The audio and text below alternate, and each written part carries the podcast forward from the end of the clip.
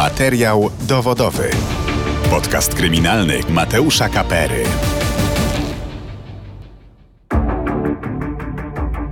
Rok temu cała Polska żyła sprawą podwójnego zabójstwa w Częstochowie. 10 lutego 2022 roku zaginęły 45-letnia Aleksandra i jej 15-letnia córka Oliwia. Po niespełna dwóch tygodniach w pobliskim lesie odnaleziono zwłoki kobiet, a także psa, który należał do zamordowanych. Jeszcze gdy nie wiadomo było, że zaginione nie żyją, policja zatrzymała znajomego Aleksandry i Oliwii, 52-letniego Krzysztofa R., którego podejrzewała o uprowadzenie kobiet. Ostatecznie mężczyzna usłyszał zarzut podwójnego zabójstwa i stanął przed sądem. Proces trwa. Kim jest człowiek oskarżony o zabójstwo Aleksandry i Oliwii i dlaczego miałby popełnić tak okrutną zbrodnię? Tego dowiecie się słuchając podcastu kryminalnego Radia Z Materiał Dowodowy. Ja się nazywam Mateusz Kapera i zapraszam Was na reportaż o sprawie zabójstwa 45-letniej Aleksandry i 15-letniej Oliwii. Materiał dowodowy. Podcast kryminalny Mateusza Kapery. 45-letnia Aleksandra wraz ze swoją córką, 15-letnią Oliwią, mieszkały w jednym z bloków w Częstochowie. Kobieta była przedszkolanką, a jej córka chodziła do liceum. Obie lubiły spędzać czas wolny na terenie ogródka działkowego. To właśnie tam 10 lutego 2022 roku przebywała Aleksandra. Długo nie wracała do domu, dlatego Oliwia zaczęła się niepokoić o matkę. Tym bardziej, że Aleksandra nie odbierała telefonu. Zaniepokoiło to również babcię Oliwii, która postanowiła pojechać na ogródki działkowe, żeby sprawdzić, czy jest tam jej córka. Furtka była jednak zamknięta na kłódkę, a na parkingu nie było samochodu Aleksandry. Kobieta wróciła do domu i próbowała ponownie dodzwonić się do córki, a później do wnuczki. Tym razem nie odbierała już nie tylko Aleksandra, ale także Oliwia. Następnego dnia rano do Bożeny zadzwoniła dyrektorka przedszkola, w którym pracowała córka kobiety. Aleksandra była odpowiedzialna za otwarcie przedszkola o godzinie 6 rano. Nie pojawiła się jednak w pracy, co było bardzo zaskakujące, bo była solidnym i zaufanym pracownikiem.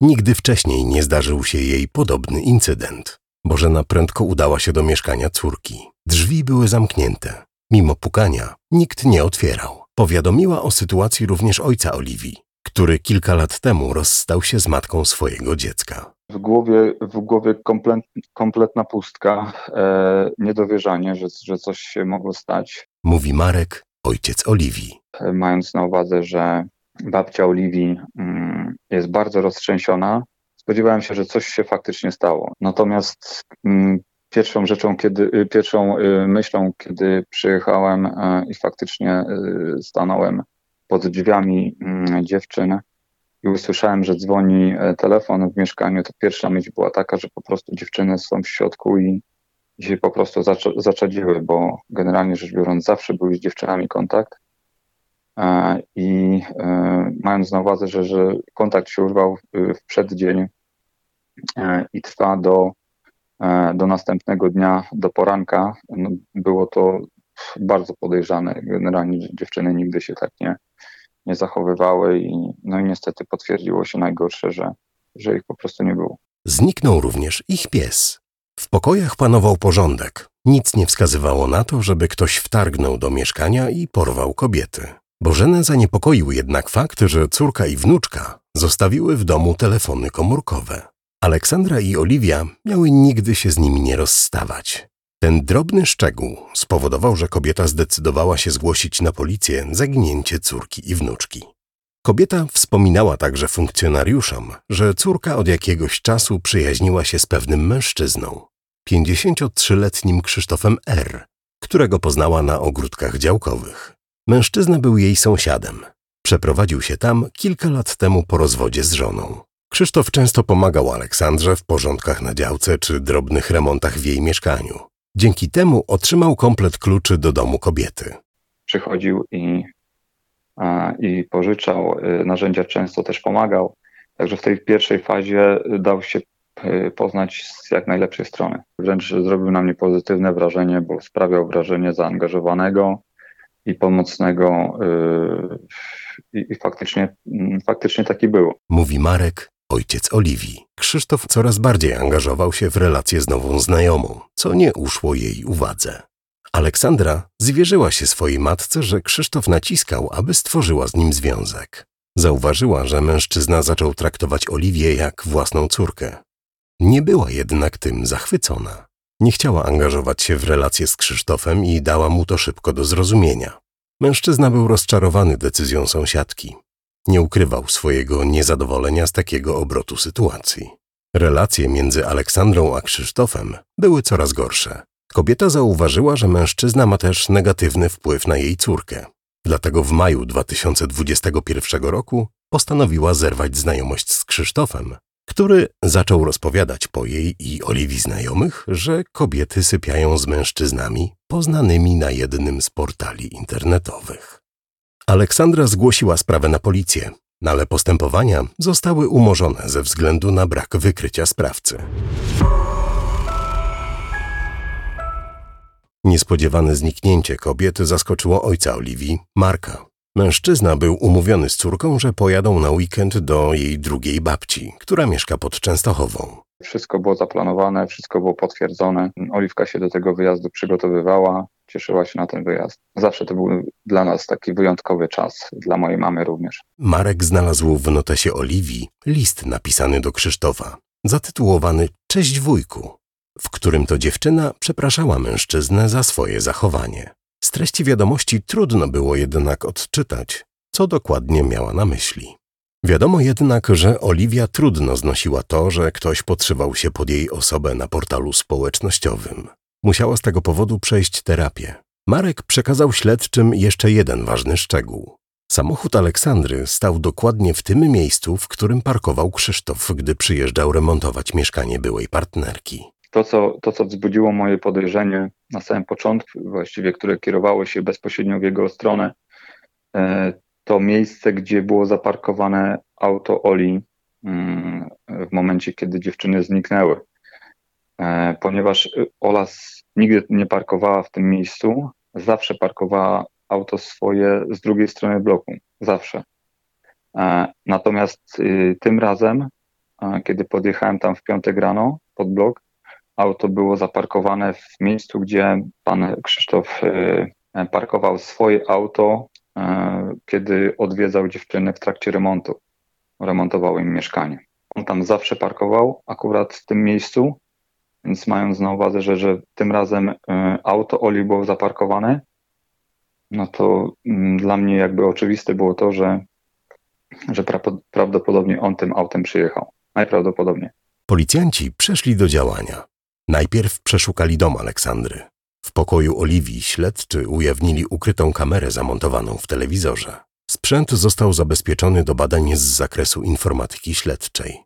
Rozpoczęły się poszukiwania kobiet. Ojciec Oliwii przewodził akcji poszukiwawczej, informując w mediach społecznościowych o postępach i kolejnych działaniach. Czułem, że muszę, muszę coś ze swojej strony E, zorganizować przecież y, teren działek, bo ja cały czas wierzyłem, że one gdzieś są na działkach przytrzymywane. Wierzyłem, że jesteśmy w stanie ten teren działek przeszukać, natomiast y, później w praktyce okazało się, że to jest tak rozległa powierzchnia, tak, taka masa altanek, y, ewentualnych miejsc do sprawdzenia, że po prostu później już ta jakby szukanie i, i, i po prostu i, i ten zapał, który towarzyszył na samym początku, później już stopniowo malał, ponieważ y, z każdą godziną też e, miałem świadomość, że, że mamy coraz mniejsze szanse na odnalezienie dziewczyn żywych, jeśli są faktycznie gdzieś przytrzymywane.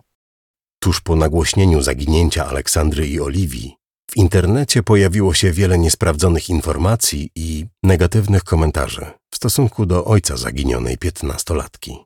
Przede wszystkim informacje, które y, jakby rzucały światło i, jakby cień podejrzeń na, na mnie, na moją osobę, czy, czy na kogoś e, z najbliższej rodziny, e, jakieś opinie, że, że być może y, przeze mnie, e, że ja byłem jakby powodem e, tego zniknięcia, później mając na uwadze to, co ludzie wypisują, ludzie postronni, którzy właściwie nie mają ani związku, ani e, wiedzy na temat sytuacji, było to, było to trochę nie fair, krzywdzące i, mm, i później już po prostu prze, przestałem czytać, przestałem się w to zagłębiać, po prostu wolałem się skupić na tych ważniejszych kwestiach i na tym, żeby po prostu w miarę normalnie móc funkcjonować bo był to bardzo, e, bardzo ciężki okres. No właściwie najcięższy okres w moim życiu. Dlaczego Pana zdaniem ci ludzie wypisywali takie krzywdzące i niesprawdzone informacje?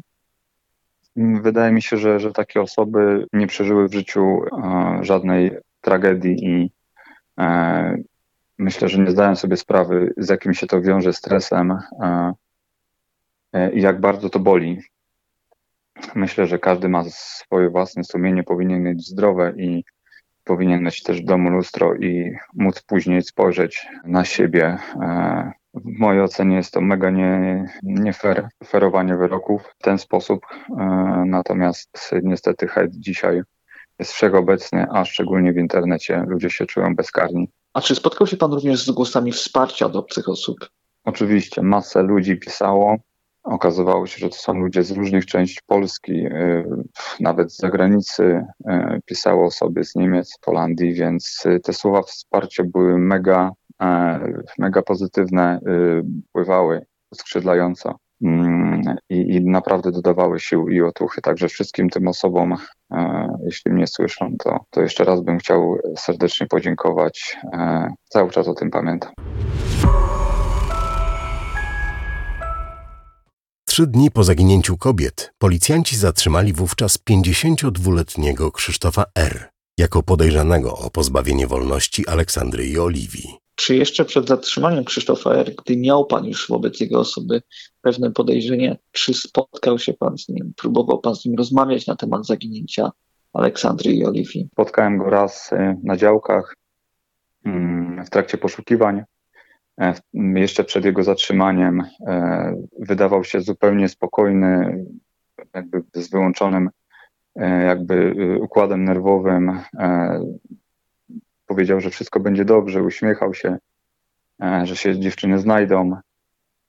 Natomiast no, nie było to szczere. Widać było, że to nie było szczere i ja się musiałem gryźć po języku, w język, żeby, żeby po prostu nie wygadać się, że, że po prostu szukamy na ciebie dowodów. Sprawdzono zawartość dwóch telefonów komórkowych należących do znajomego zaginionych. Okazało się, że Krzysztof posiada na nich zdjęcia nagiej Oliwii, które mogły zostać zrobione za pomocą kamery ukrytej w telewizorze. Opis plików wskazywał, że fotografie zostały wykonane w 2020 roku, gdy Oliwia miała zaledwie 14 lat. Obiektyw kamery skierowany był bezpośrednio na łóżko dziewczyny. Dzięki analizie telefonu policjanci dowiedzieli się, że kilka dni przed zaginięciem kobiet Krzysztof szukał w internecie informacji dotyczących zaginionych osób i ich rysopisów. Śledczy przeszukali działkę i dom, w którym mieszkał Krzysztof. Mężczyzna miał na budynku zamontowane kamery. Policjanci chcieli przejrzeć nagrania, ale okazało się, że chwilę przed zatrzymaniem Krzysztof usunął je. Dlaczego? Mężczyzna tłumaczył, że dysk, na którym zapisywane były pliki wideo, miał małą pojemność. Funkcjonariusze przeszukali także samochód Krzysztofa i zabezpieczyli kamerę samochodową. Jak się okazało, działkowicze mieli dużo do powiedzenia o znajomości Aleksandry z Krzysztofem. Jeden z sąsiadów zdradził policjantom, jak kobieta zwierzyła mu się, że Krzysztof udostępnił w internecie zdjęcia Oliwii, które wykonał bez jej zgody i wiedzy. Inni opowiadali, że mężczyzna był bardzo zazdrosny o Aleksandrę, która bała się go i unikała, gdy ten był na działce. Jednej z sąsiadek Aleksandra powiedziała nawet, że Krzysztof jest bardzo złą osobą. Nazwała go człowiekiem o dwóch twarzach. Przestrzegała inne kobiety przed znajomością z nim. Wspominała o tym, że Krzysztof lubi nagrywać innych i nagabywać znajomych. Ja nie miałem tej wiedzy yy, i no i to w pewnym sensie być może też niestety doprowadziło do, e, do, do, do, do tej tragedii. Na pewno nie zostawiłbym tego e, po prostu bez odpowiedzi i robiłbym wszystko, żeby, żeby policja się tym zajęła. Natomiast e, ze swojej strony na pewno bym interweniował. Na pewno nie pozwoliłbym Oli jechać, mając tą wiedzę w pojedynkę do, na działkę. I radziłbym jej tylko i wyłącznie spotykać się z, z, z tym panem mm, w miejscach publicznych, a w ogóle radziłbym jej tam nie jeździć przede wszystkim w pierwszej kolejności. Policjantom udało się przesłuchać kolegę Oliwii, który zeznał, że dwa lata temu podszedł do niego nieznany mu mężczyzna i pytał, czy jest on chłopakiem Oliwii. Prosił go o zerwanie z dziewczyną tak, aby ją to zabolało. Prawdopodobnie mężczyzną tym był Krzysztof R. Śledczy zbadali samochód Aleksandry, ale ku ich zaskoczeniu nie było tam żadnych śladów. Z analizy laboratoryjnej wynikało, że prawdopodobnie ktoś dokładnie wyczyścił pojazd. Gdy śledztwo zaczęło się komplikować, nagle doszło do przełomu. Krzysztof R. opowiedział jednemu z funkcjonariuszy policji, że zabił Aleksandrę i Oliwię. Najpierw na terenie ogródka działkowego pozbawił życia 45-latkę, a potem zabrał jej samochód i zaparkował pod jej blokiem. Chciał w ten sposób zmylić śledczych i odciągnąć uwagę od ogródków działkowych. Wtedy pod budynkiem pojawiła się Oliwia, która wyszła z psem na spacer. Zaskoczyło to Krzysztofa. Poprosił dziewczynę, żeby wsiadła do samochodu. Następnie odjechał z nią i w końcu pozbawił ją życia. Krzysztof nie zdradził policjantowi, w jaki sposób dokonał podwójnego zabójstwa oraz gdzie ukrył zwłoki kobiet. Zastrzegł, że zrobi to dopiero przed sądem. Prokuratura nie miała już żadnych wątpliwości i przedstawiła Krzysztofowi R. zarzuty dokonania zabójstwa 45-letniej Aleksandry i 15-letniej Oliwii. Mężczyzna po ich usłyszeniu nie przyznał się jednak do winy i odmówił odpowiedzi na jakiekolwiek pytania. Jedynie przed sędzią penitencjarnym przyznał się do zamontowania kamery w pokoju Oliwii. Wyjaśnił jednak, że zrobił to na prośbę jej matki. Krzysztof R. trafił do aresztu, a śledczy w pocie czoła pracowali nad uzyskaniem twardych dowodów przeciwko niemu. Zabezpieczyli monitoring obejmujący okolice bloku, w którym mieszkała Aleksandra. Na nagraniu wykonanym w dniu zaginięcia kobiet widać osobę, która wysiada z Forda Focusa, prawdopodobnie należącego do Aleksandry. To mężczyzna, ubrany w ciemną kurtkę i dżinsy. Oddalając się od pojazdu, w pewnym momencie ściąga z lewej dłoni rękawiczkę i znika z pola widzenia kamery. Półtorej godziny później do zaparkowanego Forda podjeżdża Citroën. Wysiada z niego mężczyzna, który zaczyna rozpakowywać rzeczy. Otwiera klapę bagażnika i ładuje do środka przedmioty przypominające worki. Nie widać dokładnie, co to są za rzeczy, bo obraz zasłaniają korony drzew. Po dziesięciu minutach mężczyzna wsiada do Forda i odjeżdża. Dzień później udaje się policjantom przesłuchać świadka, który widział na własne oczy sytuację zarejestrowaną na monitoringu. Zeznał, że zauważył, jak pewien mężczyzna przenosił między samochodami narzędzia ogrodnicze, szpadel lub łopatę. Najbardziej zaciekawiły go dwie duże rzeczy, które wyglądały mu na wypełnione worki. Jak zeznał, były one ciężkie, bo mężczyzna do przeniesienia ich używał dwóch rąk. Jeden z worków wrzucił do bagażnika, a drugi na tylne siedzenia. Należący do Aleksandry Ford Focus został zarejestrowany przez kamery monitoringu przy drodze z Częstochowy do Katowic w okolicach Romanowa. Niedługo potem pojazd ponownie pojawił się na nagraniach, ale poruszał się w przeciwnym kierunku. O zabójstwie Aleksandry i Oliwii mówiło się w całej Polsce. Dzięki temu na policję zgłaszali się świadkowie, którzy mieli cenne informacje. Jednym z nich był częstochowianin, który w dniu zaginięcia kobiet wracał późnym wieczorem do domu, trasą, na której monitoring zarejestrował pojazd Aleksandry. Około godziny 23.45 Widział, jak w okolicach Romanowa ze ścieżki leśnej, której wjazd zamknięty był szlabanem, wyjeżdżał samochód. Przypomniał sobie o tym fakcie, gdy dowiedział się z mediów, że Aleksandra i Oliwia prawdopodobnie zostały zamordowane, a samochód 45-latki widziany był na drodze z Katowic do Częstochowy. Policjanci natychmiast rozpoczęli przeczesywanie lasu w Romanowie. Akcja poszukiwawcza yy, właśnie grupy znajomych z pracy składami była podjęta dokładnie po drugiej stronie lasu. Tak de facto byliśmy blisko, natomiast policja do tego miejsca dotarła przed nami, mając na uwadze, że ktoś właśnie z okolicznych mieszkańców podpowiedział, gdzie ewentualnie coś się może znajdować, gdzie można podjąć e, poszukiwania. I faktycznie niestety okazało się to e, to, to miejsce prawdziwe. Śledczy najpierw natknęli się na damską torebkę, w której były recepty wystawione na Aleksandrę i Oliwię. Dzień później odnaleziono zakopane zwłoki psa oraz zaginionych kobiet. To znaczy, ja cały czas wierzyłem, że, że dziewczyny się znajdą, że są gdzieś przytrzymywane e, i cały czas ta myśl mi e, przyświecała. Były też e, e kontakty z zewnątrz osób, e, jakichś mediów, jasnowidzów, e, które się zgłaszały i przekazywały jakieś konkretne wizje.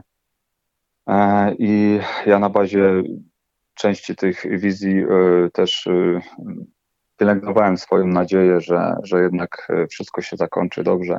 Część tych wizji była bardzo skrupulatnie opisywana E, w detalach e, i, i, była na tyle wiarygodna, że wierzyłem cały czas, że, że faktycznie dziewczyny e, się znajdą, że będą całe i zdrowe. No, okazało się niestety, że te wizje nie były prawdziwe. Bliscy zamordowanych, Aleksandry i Oliwii, nie byli w stanie wziąć udziału w potwierdzeniu tożsamości kobiet. Przeprowadzono badania genetyczne, które nie pozostawiły wątpliwości, że ujawniono zwłoki 45-letniej Aleksandry i 15-letniej Oliwii. Wyniki sekcji zwłok wykazały, że kobiety zostały uduszone. Na ciele Aleksandry lekarze dostrzegli złamanie żeber, dwie rany grzbietu i liczne sińce oraz otarcia. Zabójca w taki sam sposób pozbawił życia psa. Prokuratura postanowiła przeanalizować akta umorzonych spraw dotyczących nękania Oliwii. Śledczy domyślili się, że zabójca był również sprawcą stalkingu na piętnastolatce. Dlatego włączyli wszystkie postępowania do śledztwa w sprawie podwójnego zabójstwa kobiet. Ponad rok po tragicznych wydarzeniach do Sądu Okręgowego w Częstochowie wpłynął akt oskarżenia przeciwko Krzysztofowi R. Mężczyzna usłyszał aż siedem zarzutów. Krzysztof R. został y, oskarżony o podwójne zabójstwo y, z artykułu 148 paragraf 1 kodeksu karnego. Mówi sędzia Dorota Ociepa-Biel z Sądu Okręgowego w Częstochowie. Czyli najpoważniejsze z zarzutów, jakie, pod jakimi stoi, bo tych zarzutów jest siedem. A reszta zarzutów to y, jest to zarzut z artykułu 35 ustęp 1 ustawy o ochronie zwierząt, który sprowadza się do zabicia psa rasy Tzu. Kolejny zarzut to jest za, zarzut, no tak ogólnie mówiąc, utrwalania wizerunku obrazów, nagrań, zdjęć nagiej lub niekompletnie ubranej małoletniej pokrzywdzonej i przechowywania tak utrwalonych obrazów. Kolejny zarzut y, to już jest zarzut piąty. Wykorzystanie nielegalnie wizerunku małoletniej na portalu społecznościowym Facebook, Messenger w celu wyrządzenia jej szkody osobistej. Kierował obraźliwe y, treści z tego konta do innych osób. Następny zarzut polega na tym, że w okresie od czerwca do września dopuścił się innych czynności seksualnych wobec małoletniej, polegających na jej obejmowaniu, dotykaniu pośladków oraz całowaniu. I ostatni zarzut to jest, że działając z zamiarem skierowania przeciwko y, pokrzywdzonej postępowania karnego oraz dyscyplinarnego, wytworzył anonimowe pismo zaadresowane do pracodawcy tejże, szkalujące ją jako pedagoga, który następnie dostarczył do dyrektora przedszkola, a nadto w tym samym dniu sporządził i skatalogował nagranie głosowe zawierające fragment zapisu rozmowy pomiędzy pokrzywdzonymi dotyczącej rzekomego zamiaru zniszczenia samochodu osobowego należącego do innej osoby, które to nagranie zainicjowało wszczęcie postępowania sprawdzającego prowadzonego w komisariacie szóstym policji w Częstochowie. Z akt śledztwa wiemy, że jedno z kont społecznościowych założonych na Oliwie zostało utworzone na numer telefonu mężczyzny, który za pieniądze rejestrował wiele numerów na swoje dane osobowe. Dzięki analizie billingów śledczym udało się ustalić, że numer, na który założono fałszywe konto Oliwii, nawiązał połączenie z telefonem Krzysztofa R. Co więcej, zdjęcie profilowe zostało przesłane z numeru należącego do Krzysztofa R. Zdaniem prokuratury fałszywe konta miały służyć mężczyźnie do szkalowania Oliwii. Śledczy wydobyli z urządzeń należących do Krzysztofa R. liczne zdjęcia i nagrania, na których podstępem utrwalono wizerunek Aleksandry i Oliwii. Mężczyzna archiwizował kadry, na których nastolatka była rozebrana. Ukryte kamery zamontował w pokoju dziewczyny oraz w łazience swojego domku letniskowego. W aktach sprawy znajduje się również list, który Krzysztof adresował do piętnastolatki. Najważniejszą kwestią dla sądu będzie ustalenie, czy mężczyzną, który pakował narzędzia ogrodnicze i dwa duże worki, w których mogły znajdować się ciała kobiet, był Krzysztof R. Sam mężczyzna na etapie postępowania prokuratorskiego przekonywał śledczych, że nie mógłby nosić tak ciężkich worków, bo niedawno przeszedł operację przepukliny pachwinowej. Według biegłego z zakresu chirurgii u podejrzanego został przeprowadzony zabieg metodą Liechtensteina, która pozwala na bardzo szybki powrót do zdrowia. Co prawda przez trzy miesiące od operacji zaleca się zaprzestanie dźwigania ciężkich przedmiotów, ale to wcale nie oznacza, że Krzysztof nie byłby w stanie tego robić. W bagażniku Citroena należącego do Krzysztofa R. śledczy zabezpieczyli fragmenty białych nitek, które ujawniono również w bagażniku samochodu Aleksandry.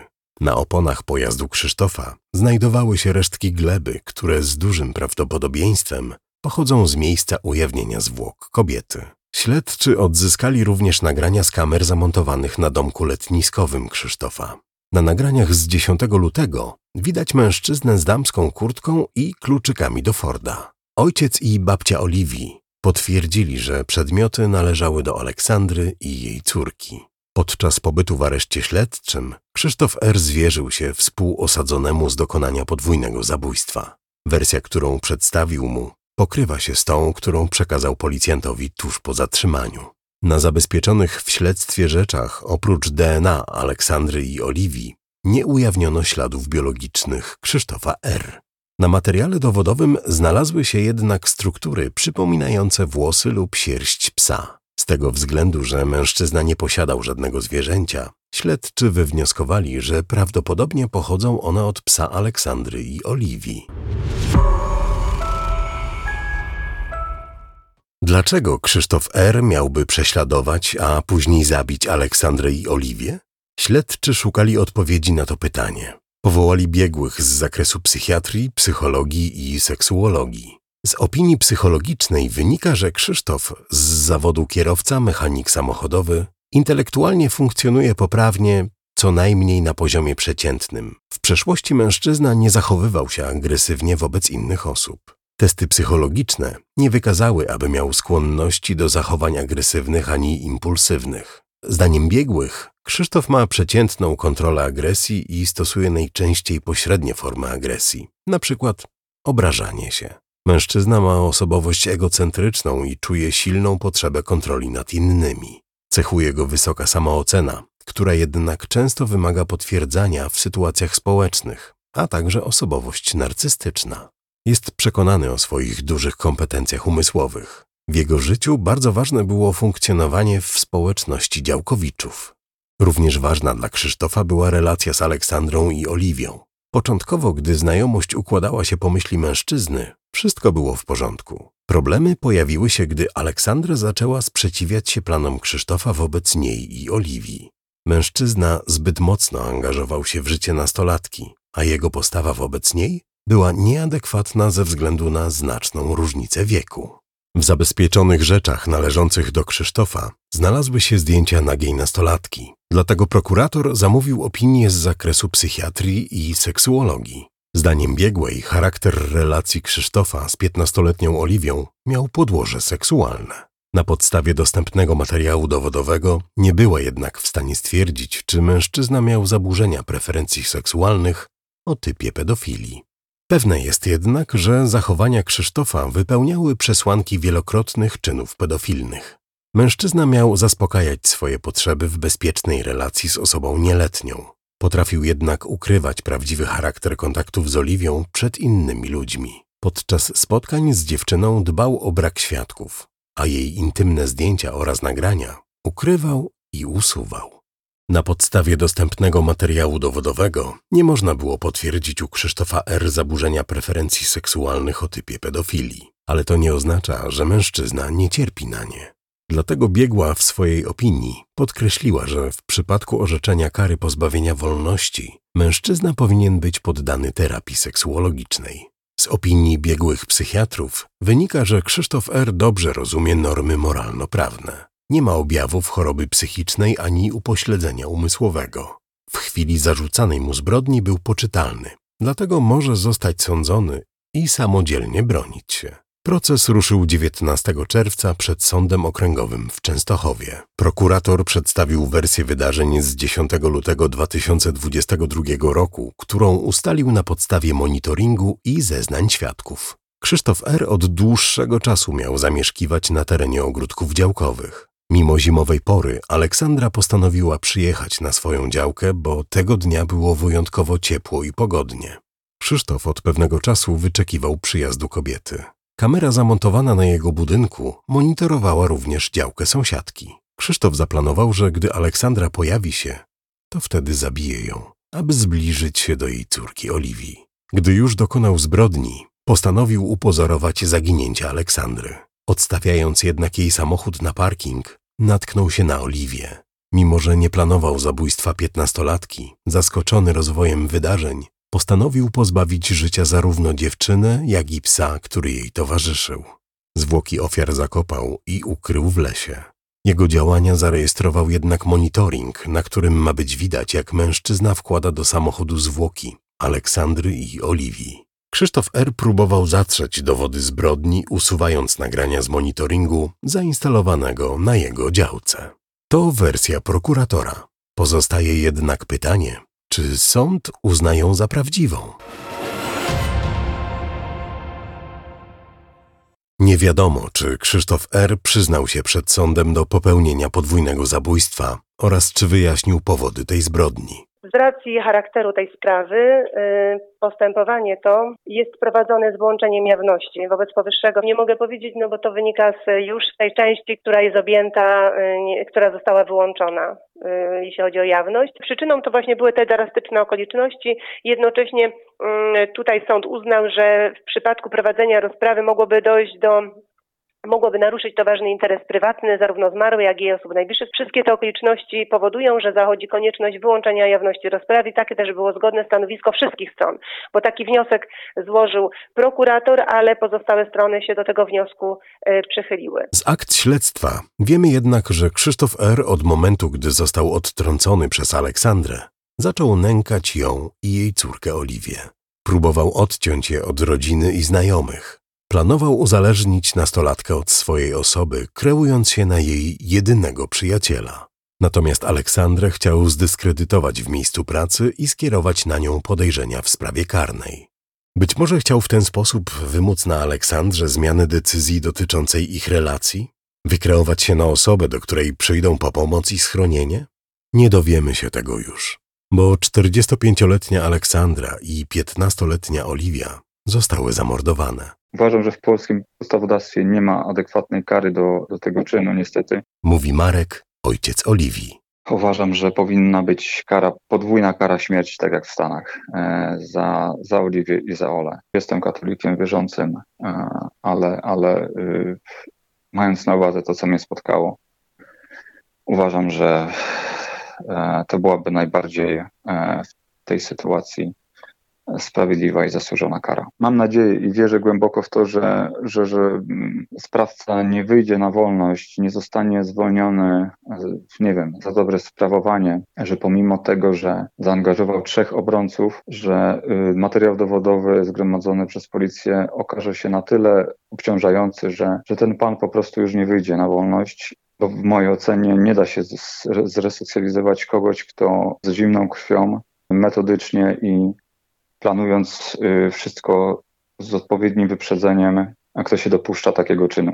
E, wierzę, że, że po prostu dosięgnie go sprawiedliwość. Czy tej okrutnej zbrodni dopuścił się Krzysztof R? Dlaczego miałby to zrobić? Na jaką karę zasługuje zabójca? Odpowiedzi na te pytania będzie musiał poszukać Częstochowski Sąd. Jeżeli chodzi o przestępstwo zabójstwa, to jest to przestępstwo zagrożoną e, karą od 8 lat pozbawienia wolności, karą 25 lat e, pozbawienia wolności e, albo dożywotniego pozbawienia wolności. Skarżony nie był dotychczas karany. Mówi sędzia Dorota Ociepa-Biel z Sądu Okręgowego w Częstochowie. Jeżeli sąd uzna Krzysztofa R. za winnego popełnienia tej okrutnej zbrodni, to czy kiedykolwiek będzie pan w stanie mu przebaczyć? Jako osoba wierząca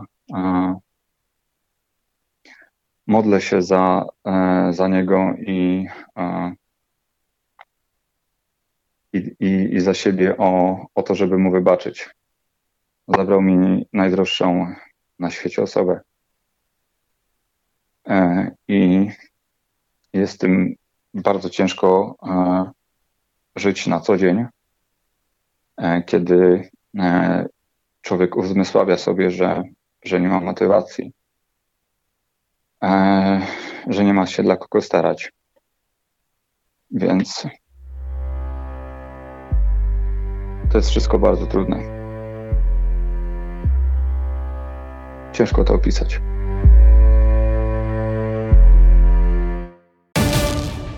Materiał dowodowy. Podcast kryminalny Mateusza Kapery. Niestety ze względu na wyłączenie jawności procesu nie będziemy mogli Wam relacjonować tej sprawy ani w podcaście, ani na portalu radioz.pl. Jak zapewniła mnie jednak sędzia Dorota Ociepa-Biel z Sądu Okręgowego w Częstochowie, wyrok wraz z uzasadnieniem zostanie ogłoszony publicznie.